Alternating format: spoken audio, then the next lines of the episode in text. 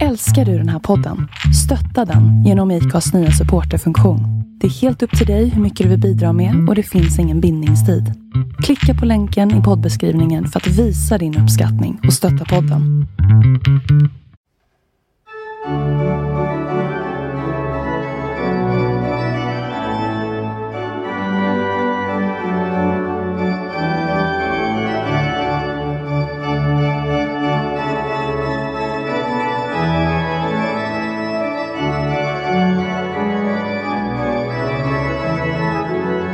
Hej och välkomna till avsnitt 85 av podden Vi går till historien.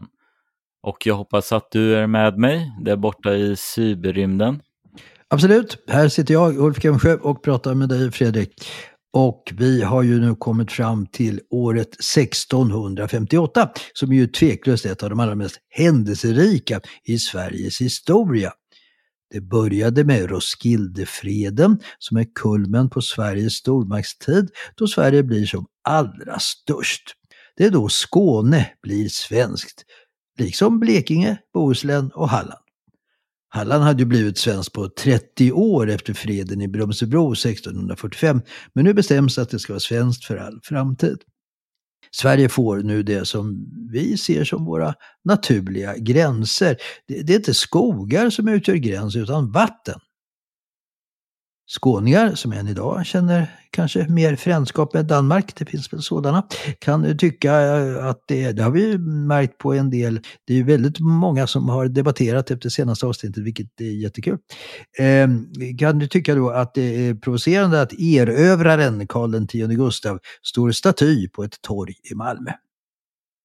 Ja, ibland är det ganska skönt att bara luta sig tillbaks och läsa alla kommentarer Engagemang är roligt. Absolut. Och ytterligare skoj, man debatterar ju mycket om att, det, att man inte har någon bra ton och sådär. Men det tycker jag verkligen våra lyssnare har. Det är ingen som liksom går, går över gränsen där utan det, det är respektfullt mot varandra. Och det, det, ja, det, det uppskattar vi.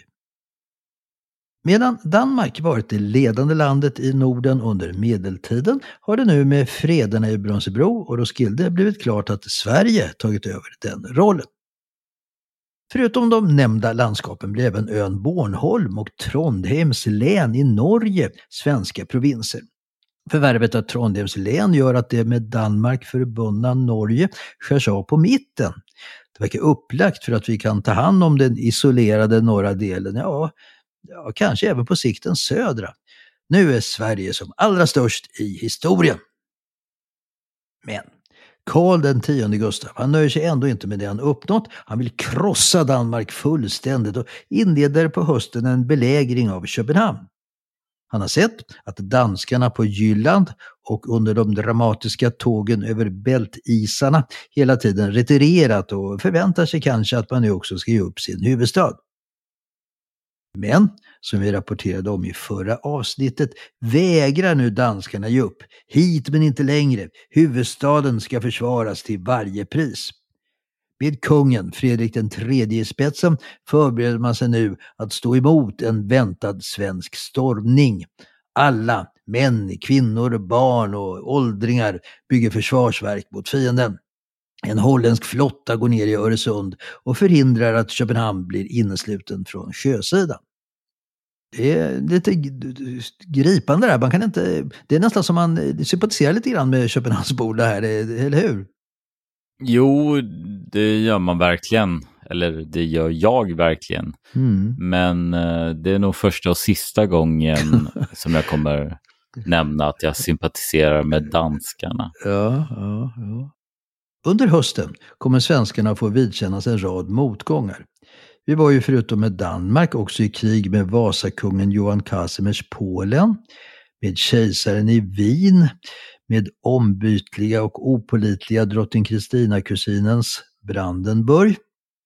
Däremot lyckas vi få till stånd ett treårigt stilleståndsavtal med, med Ryssland. Men tyskar och polacker marscherar upp i Jylland och besegrar de svenska trupperna där. Norrmän och danskar kör ut svenskarna från Trondheims län och på Bornholm mördas den svenska guvernören och den svenska garnisonen där tas till fånga. I början av året hade vi, som vi också berättade om i förra avsnittet, förlorat vår afrikanska koloni, Cabo Corso, till danskarna. Året dessförinnan hade vi för övrigt förlorat vår andra utomeuropeiska besittning, Nya Sverige på den nordamerikanska östkusten, till holländarna. Karl X Gustav finns ju kvar med sina trupper utanför Köpenhamn. Fyn är fortfarande besatt av svenska trupper och öar som Lolland, Falster, Langeland kommer att besättas av svenska trupper under vintern och våren. Vad han befarar är att när våren kommer, dessa polska och tyska trupper kan fortsätta att komma till danskarnas hjälp, eh, kanske komma till Själland och Skåne. I detta läge bestämmer sig den svenska kungen för att ändå försöka en stormning av Köpenhamn innan eventuellt andra fiender närmar sig. Strax efter midnatt den 11 februari i full snöyra går han till attack. Huvudanfallet mot försvarsmurar och vallgravar det sätts in där vi idag hittar Tivolis eh, berömda entré. Alltså dagens Tivoliområde var då en kunglig trädgård. Och man lyckas i vissa fall slå broar över vallgravar och resa stormstegar mot försvarsvallar, men möts av förtvivlat kämpande försvarare. Eh, förutom soldaterna spelar här modiga studenter från Köpenhamns universitet en framträdande roll. Man slåss intensivt hela natten i snö, is och kyla. Men när gryningen kommer är det uppenbart att stormningen inte kommer att lyckas. Svenskarna kommer inte att komma in i staden och Karl X Gustav tvingas ge order om reträtt. De danska förlusterna är obetydliga jämfört med de svenska. Eh, och det här är ett mycket stolt minne i den danska historien, inte minst för att alla, hela folket gemensamt kämpade sida vid sida med kungen i spetsen. I kyrkorna firar man tacksägelsegudstjänster och årsdagen firades varje år fram till eh, kronprins Gustavs, alltså den blivande Gustav IIIs förlovning med den danska prinsessan Sofia Magdalena på hösten 1766.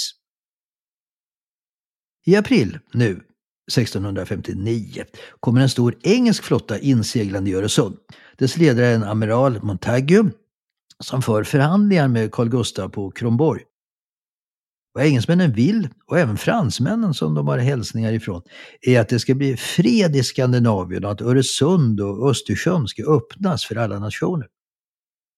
Carl Gustaf gör nu ännu ett försök att locka engelsmännen med ett förbund mellan länderna riktat mot Danmark som skulle innebära att England skulle få Jylland och Island medan Sverige skulle få Norge.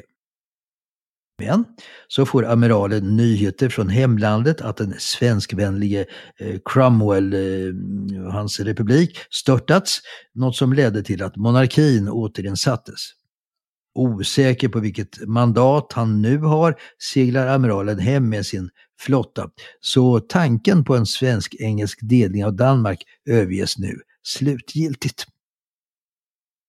De polsk-brandenburgska österrikiska trupperna har nu lämnat Jylland och landstiger på Fyn eh, från väst samtidigt som dansk-holländska trupper kommer till Fyn österifrån, från, från Själland alltså.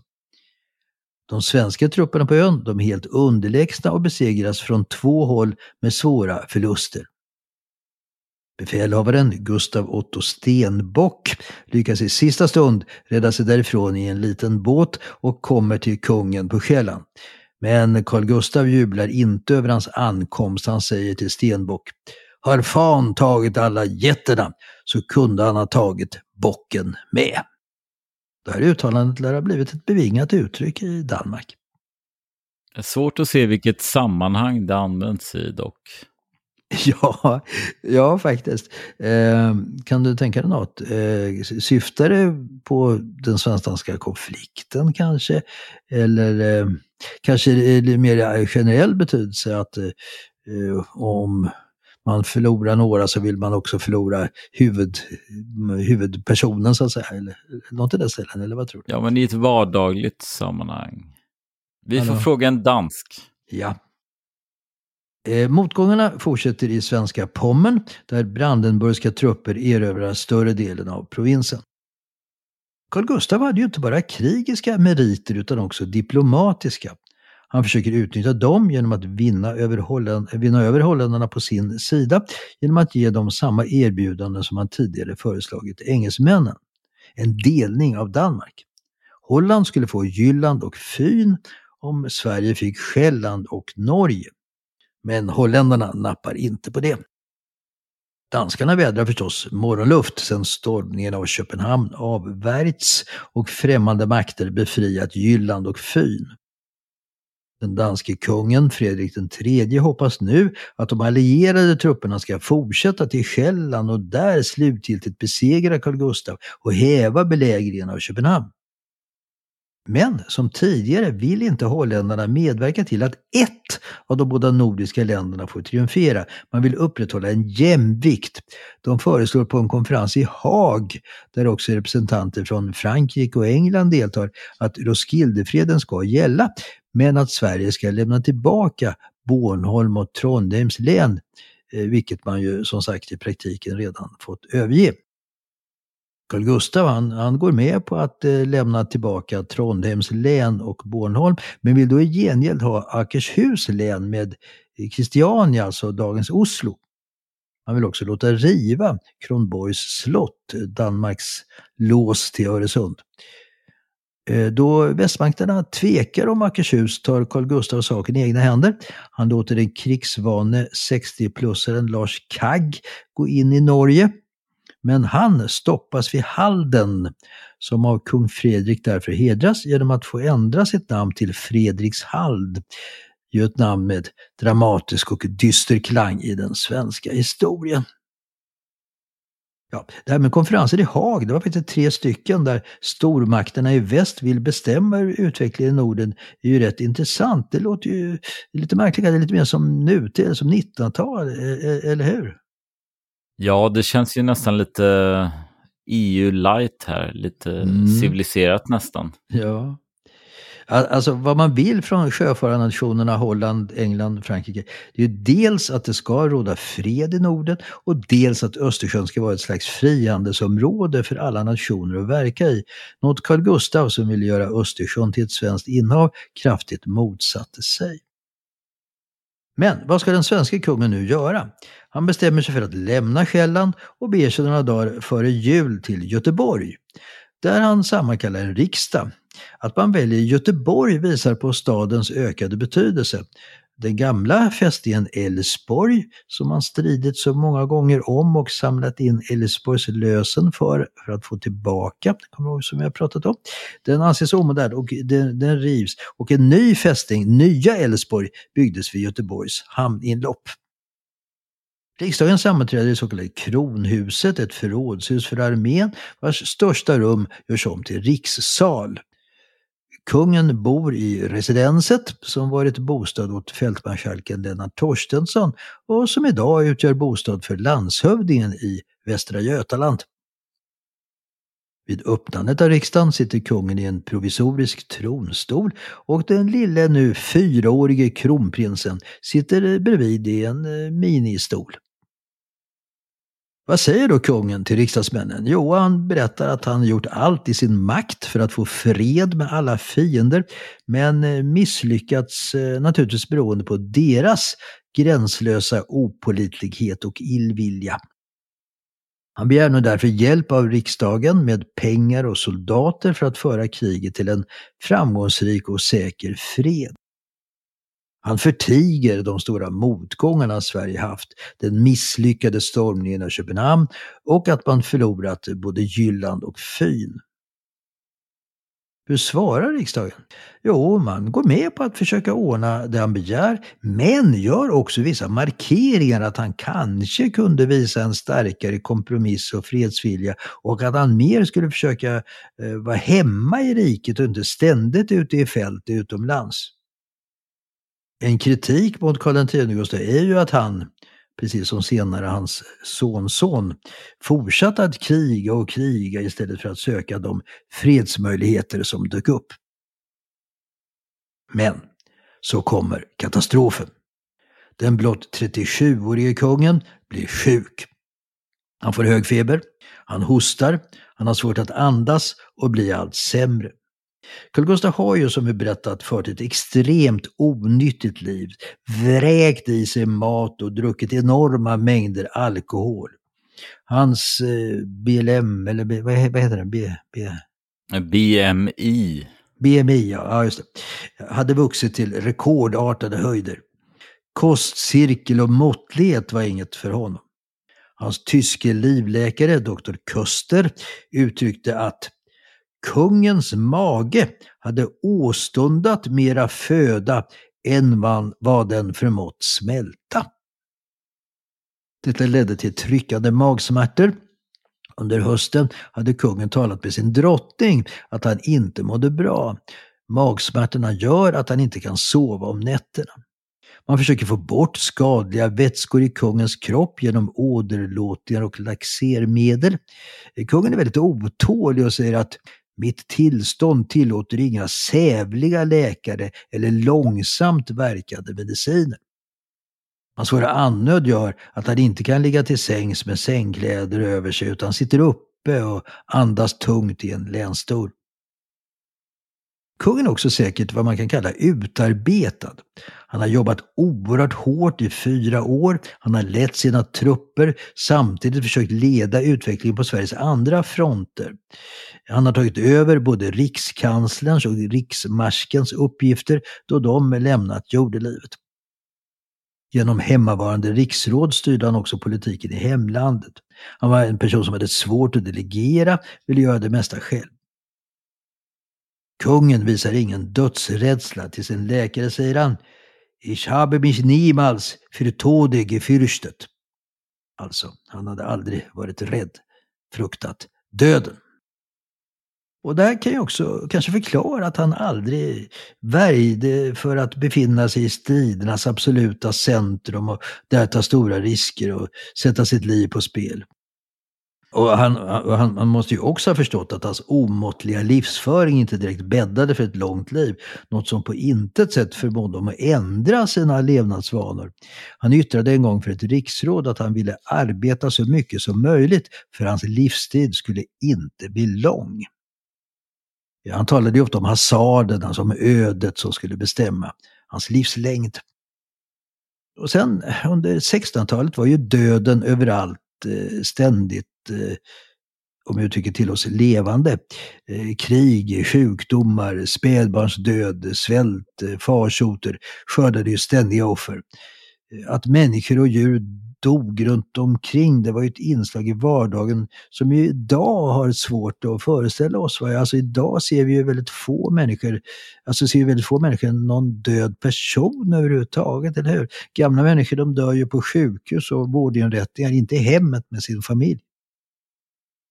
Rädslan för döden var säkert mindre eftersom religionen hade ett starkt grepp. Alla var ju övertygade om att Gud fanns och att det fanns ett liv efter döden. Och hade man då ett eländigt och fattigt liv kanske alternativet inte var så avskräckande. 1600-talets kyrkor är ju fulla med dödssymboler, dödskallar och skelett. Ja, men det, det är väl både en fin tanke men också en ganska skrämmande sådan. Att eh, det spelade inte så stor roll eh, mm. vem man dödade eller att bli dödad. Ja, just det. Ja, det kunde verka i båda riktningarna. Ja. Just det. ja, exakt. Och alltså, det här med religion, alltså Karl X Gustav han trodde säkert på Gud, där kanske han också kände sig som en kung av Guds nåde, utvald av Gud. Men när man ser på hans sätt att leva, ett överdådigt frossande och, och inte minst hans utsvävningar med unga vackra tjejer som bland annat ledde till ett stort antal utomäktenskapliga barn offentliga och hemliga. Då kanske det är svårt att förena det med ett, eh, som man kan tycka, ett kristet moraliskt leverne.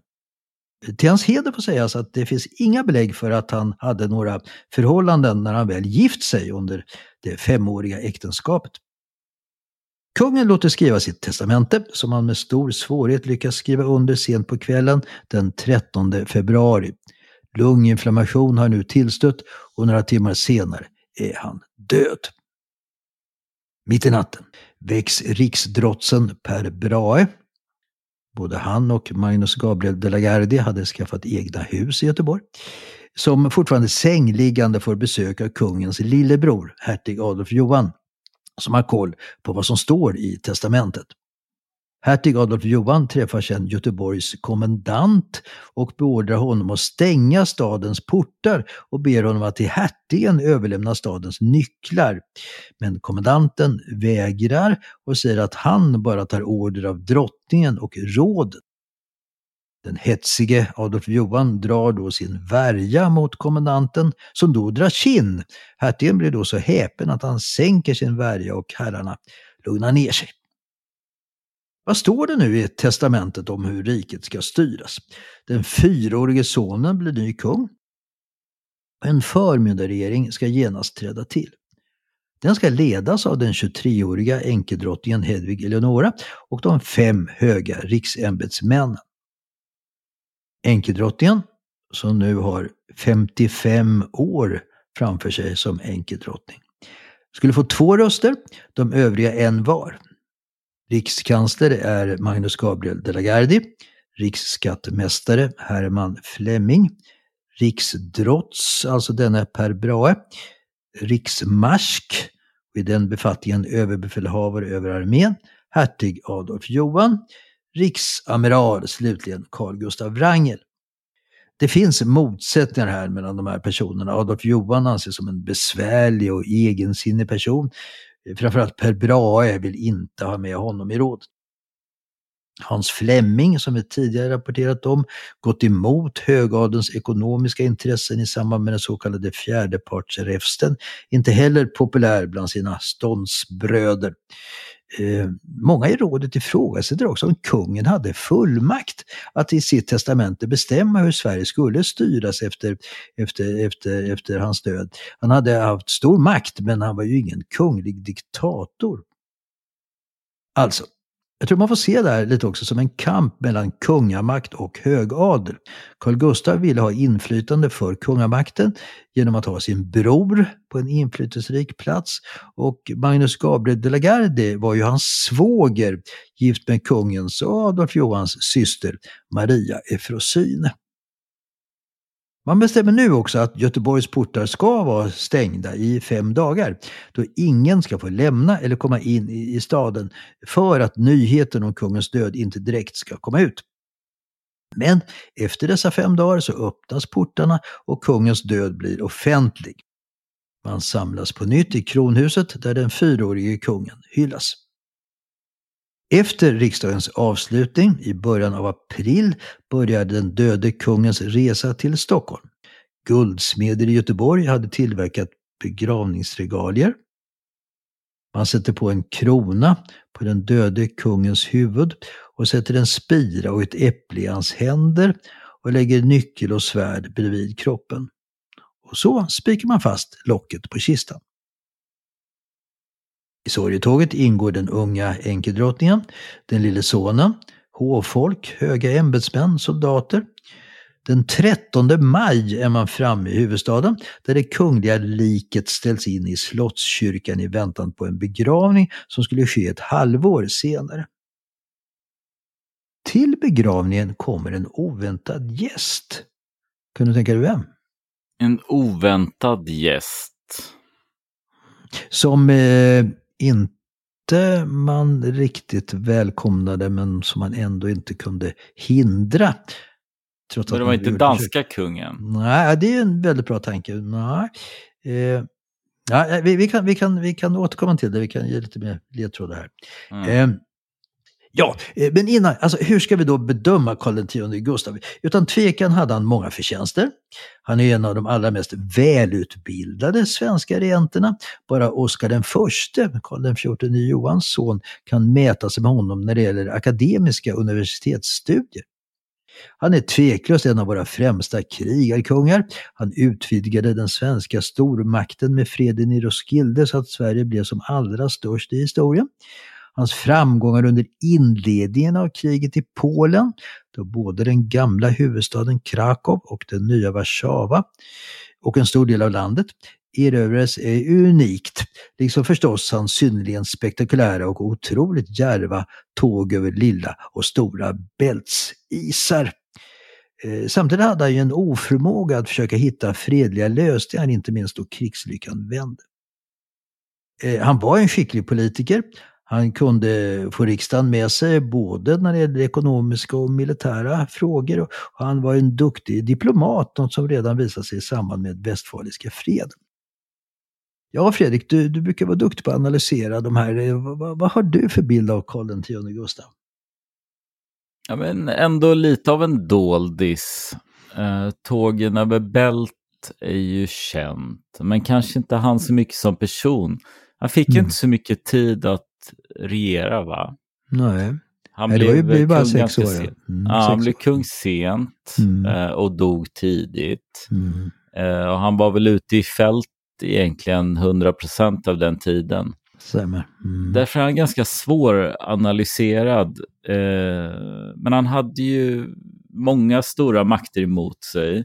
Krig mot Ryssland, Polen, Danmark, Nederländerna.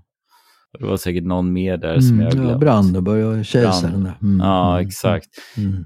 Men han eh, visade ändå på någon form av positiv anda kan jag tycka i det här. Han drog sig inte tillbaka till Sverige utan han, han fortsatte.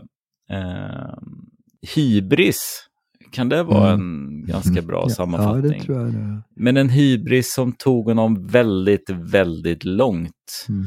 Eh, och, och det här fredsavtalet han ville sluta med Danmark där han begärde extremt mycket mark och det visar sig vara briljant, för han fick ju nästan allting han begärde. Verkligen.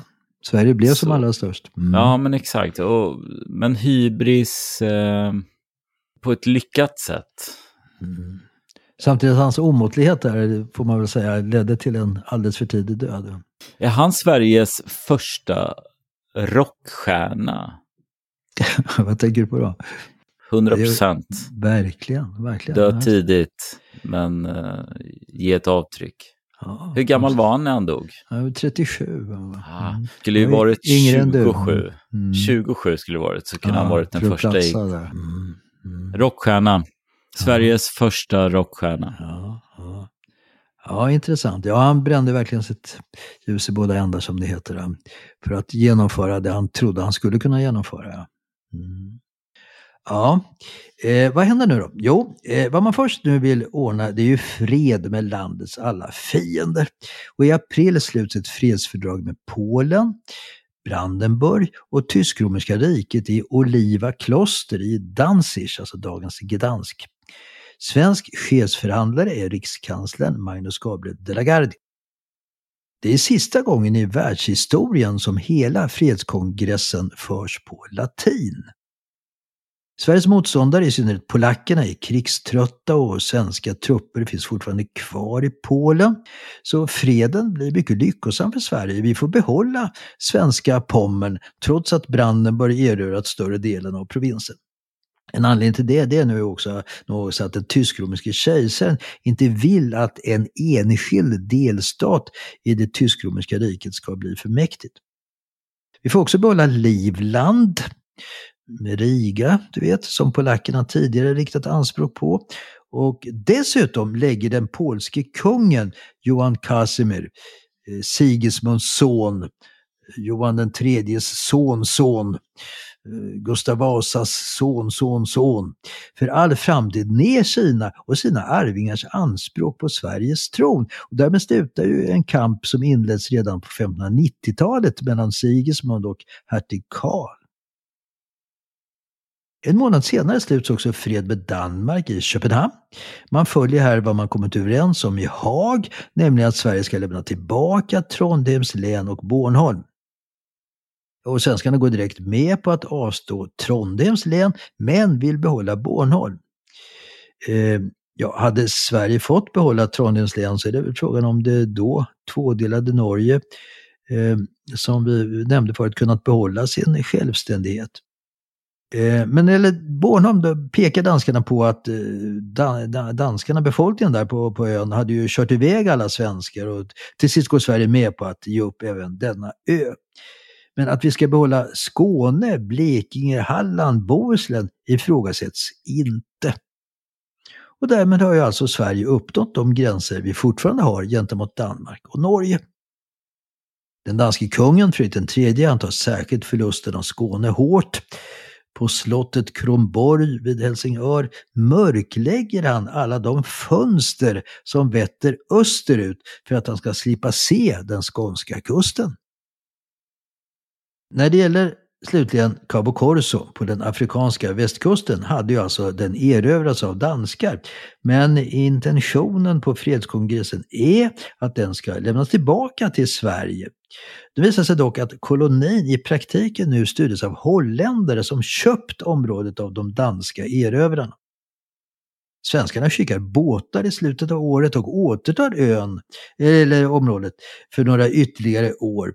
Men i april 1663 eh, faller slutligen huvudfästningen Karlsborg vid ett holländskt anfall. Och redan året därpå tar engelsmännen över. Den brittiska guldkusten bildas dock och till slut blir ju det den första självständiga före detta engelska afrikanska kolonin Ghana 1957. Hur går det då med rådet? De fem höga riksämbetsmännen som tillsammans med Hedvig Eleonora ska styra riket. Ja, redan i Göteborg inleds en kampanj för att utestänga Adolf Johan från makten. Man pekar på samma formella hinder som utestängt hans far Johan Casimir och även brodern Carl Gustav innan drottning Kristina fick igenom valet av honom som tronföljare att de egentligen var utländska furstar och inte medlemmar av det svenska riddarhuset. Man vill från högadelns sida att han ska nöja sig med att vara en hertig på Stegeborg, precis som fadern. Eh, eller som Carl Gustav eh, när han residerade på Borgholm. Ivrigaste motståndaren är som sagt Per Brahe, vilket kan tyckas märkligt då han varit Adolf Johans svärfar. Dottern Elsa hade dock avlidit efter fyra års äktenskap 1653. Magnus Gabriel de la Garde intar en knepig mellanställning då han samtidigt är en av högadens främste och ingift i kungafamiljen. Och man baktalar också hertigen att han är besvärlig och underlig, omöjlig att samarbeta med. I och med att tronföljaren bara är fyra år gammal ser man från högadelns sida en gyllene möjlighet att utnyttja tiden fram till hans myndighet genom att utöka sin politiska och ekonomiska makt. En intressant ställning intar här enkedrottningen. Från att från början verka ha haft ett gott förhållande till svågen kommer hon mer och mer att vända sig mot honom. Adolf Johan försöker att närma sig henne genom att föreslå att han ska gifta om sig med Hedvig Eleonoras syster Anna Dorotea som tillfälligt befinner sig i Sverige, något som drottningen förhindrar. För att då, ställ, då istället beveka den före detta svärfadern Per Brahe föreslår då Adolf Johan att han ska gifta sig med Brahes brorsdotter eh, som också heter Elsa som den avlidna kusinen, något Brahe inte uppskattar. Denna Elsa hon är änka med fem barn efter den tidigt bortgångne före detta rikskanslern Erik Oxenstierna.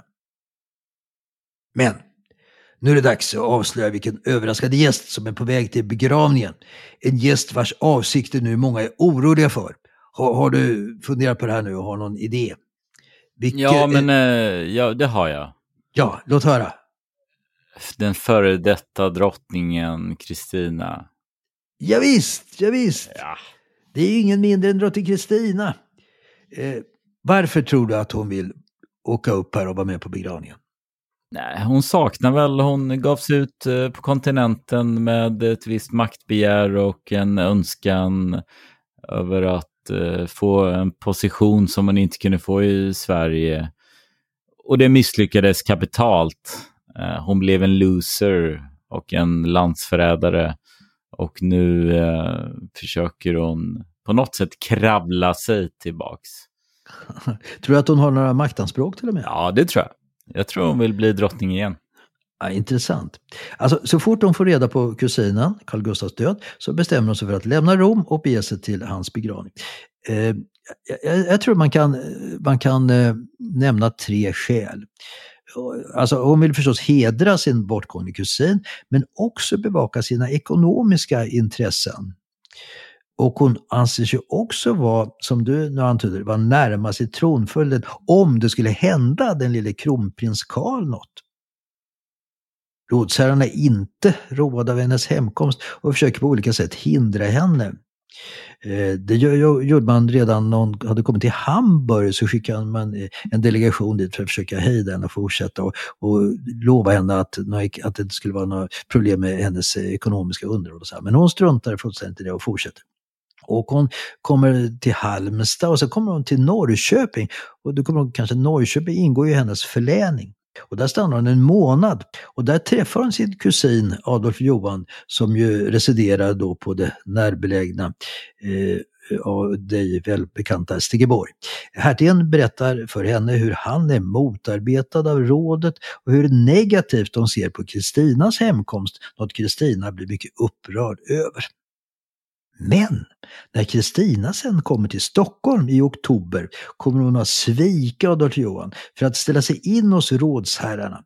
Hon berättar för dem att hon hyser en stor motvilja mot hertigen och anser honom oduglig och inkapabel, som hon säger. Så nu är det kört för Adolf Johan. Svägerskan, kusinen, svärfadern, före detta. Alla är emot honom och man avsätter honom som riksmarsk med motivering att han är en utländsk furste och ersätter honom med den gamle fältmarskalken Lars Kagg. Hertigen får en hyfsad pension och hänvisas till en framtid på Stegeborg. Begravningen av brodern eh, skulle bli hans sorti från offentligheten. Men vi ska absolut återvända till honom. Eh, det kommer att hända mycket på Stegeborg. Eh, året därpå gifter han sig ändå och då med sin döda hustrus kusin Erik Oxenstiernas änka Elsa Brahe på ett ståtligt bröllop på eh, vår tids aktuella Tidö slott. Alltså, många med enkedrottningen i spetsen motsätter sig äktenskapet. Man anser att Adolf Johan gifter sig med henne för att få kontakter och inflytande inom högadeln. Medan Elsa skulle ha gift sig för att få byta upp sig från en grevinnetitel till en hertiginnetitel. Eh, och det här är en allmän uppfattning. Hon vill på detta sätt bli rikets andra dam efter änkedrottningen. Men här har Elsa en rival i sin nye mans syster Maria ifrån Syne, som ju var gift med Magnus Gabriel de la Gardie. Så här är nu den intressanta frågan. Vem har högst status? En som är född hertiginna och sen gift sig med en greve? Eller en född grevinna som gift sig med en hertig. Eh, jag vet inte om det är någonting du har funderat mycket på? Jo, men det har jag funderat mycket på. Mm, jag tänkte det. Mm. Uh, Och vad har du kommit fram till? Jag har kommit fram till så här att uh, de högst personliga egenskaperna anger status och det spelar ingen roll vad man har för larvig titel. Det, det är ungefär min synpunkt. Ja, det verkar lite grann som en nutida tolkning av den här problematiken från 1600. Nej, men det tror jag kan uh, återspeglas även uh, nu under den här tiden. Ja, okay. ja. Eh, Elsa, hon hade fem barn mellan fem och elva år. Men märkligt nog fick de här inte följa med mamma till Stegeborg utan placeras ut bland olika släktingar. Med Adolf Johan skulle hon få ytterligare nio barn och i denna familj på Stegeborg skulle stora skandaler inträffa senare som vi ska återkomma till. Några veckor efter Adolf Johans avsättning som riksmarsk avsätter man också den kontroversiella Herman Flemming som riksskattmästare och ersätter honom med Gustav Bonde som kom från Hässelby slott. När Kristina kommer till Stockholm får hon bo i sina gamla rum på slottet då särskilt prästerna misstycker till är att hon har med sig två katolska präster som hon firar mässor med på slottet. Men när hon träffar representanter för såväl rådet som prästerskapet bedyrar hon att hon inte tänker ägna sig åt någon katolsk propaganda. Eh, hon är däremot själv mycket övertygad katolik och vill så fort som möjligt återvända till Rom där hon vill leva resten av sitt liv och dö där. Hon försäkrar också att hon inte har några maktanspråk. Hon ställer sig helt bakom den lille kronprinsen och nu, nu kungen. Eh, vad hon däremot vill försäkra sig om är att, att inte hennes underhåll ska påverkas av skiftet på tronen eller hennes konvertering till katolicismen. Ja, vad ska hända nu Fredrik? Kan, kan, kan man, kan man lita på Kristina? Kommer frederna att hålla? Hur ska det gå för förmyndarregeringen? Och hur kommer den lille kungen att utvecklas? Jag tänkte att i nästa avsnitt ska vi ta ett sista farväl av Karl X Gustav genom att rapportera från hans begravning och sen föra utvecklingen vidare. Ja, men spännande. Och tack så mycket för det här avsnittet. Tack själv. Och tack alla kära lyssnare. Det, vi har, de sista veckorna har vi fått ovanligt många nya lyssnare, vilket vi hälsar med tillfredsställelse naturligtvis. Så, så som vi brukar säga, sprid gärna podden vidare. Nu träder vi in i Österösby kyrka och låter Martin Riesen spela Drottningholmsmusiken igen. Tack och hej!